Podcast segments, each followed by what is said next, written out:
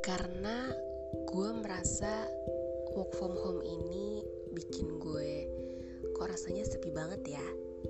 Sendirian banget ya?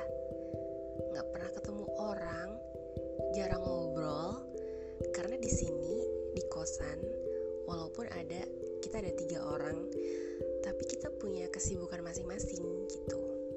Dan selama work from home ini gue pengen lebih mengeksplor ke bisa gue kerjain. Akhirnya gue kepikiran oh oke okay, gue mau bikin podcast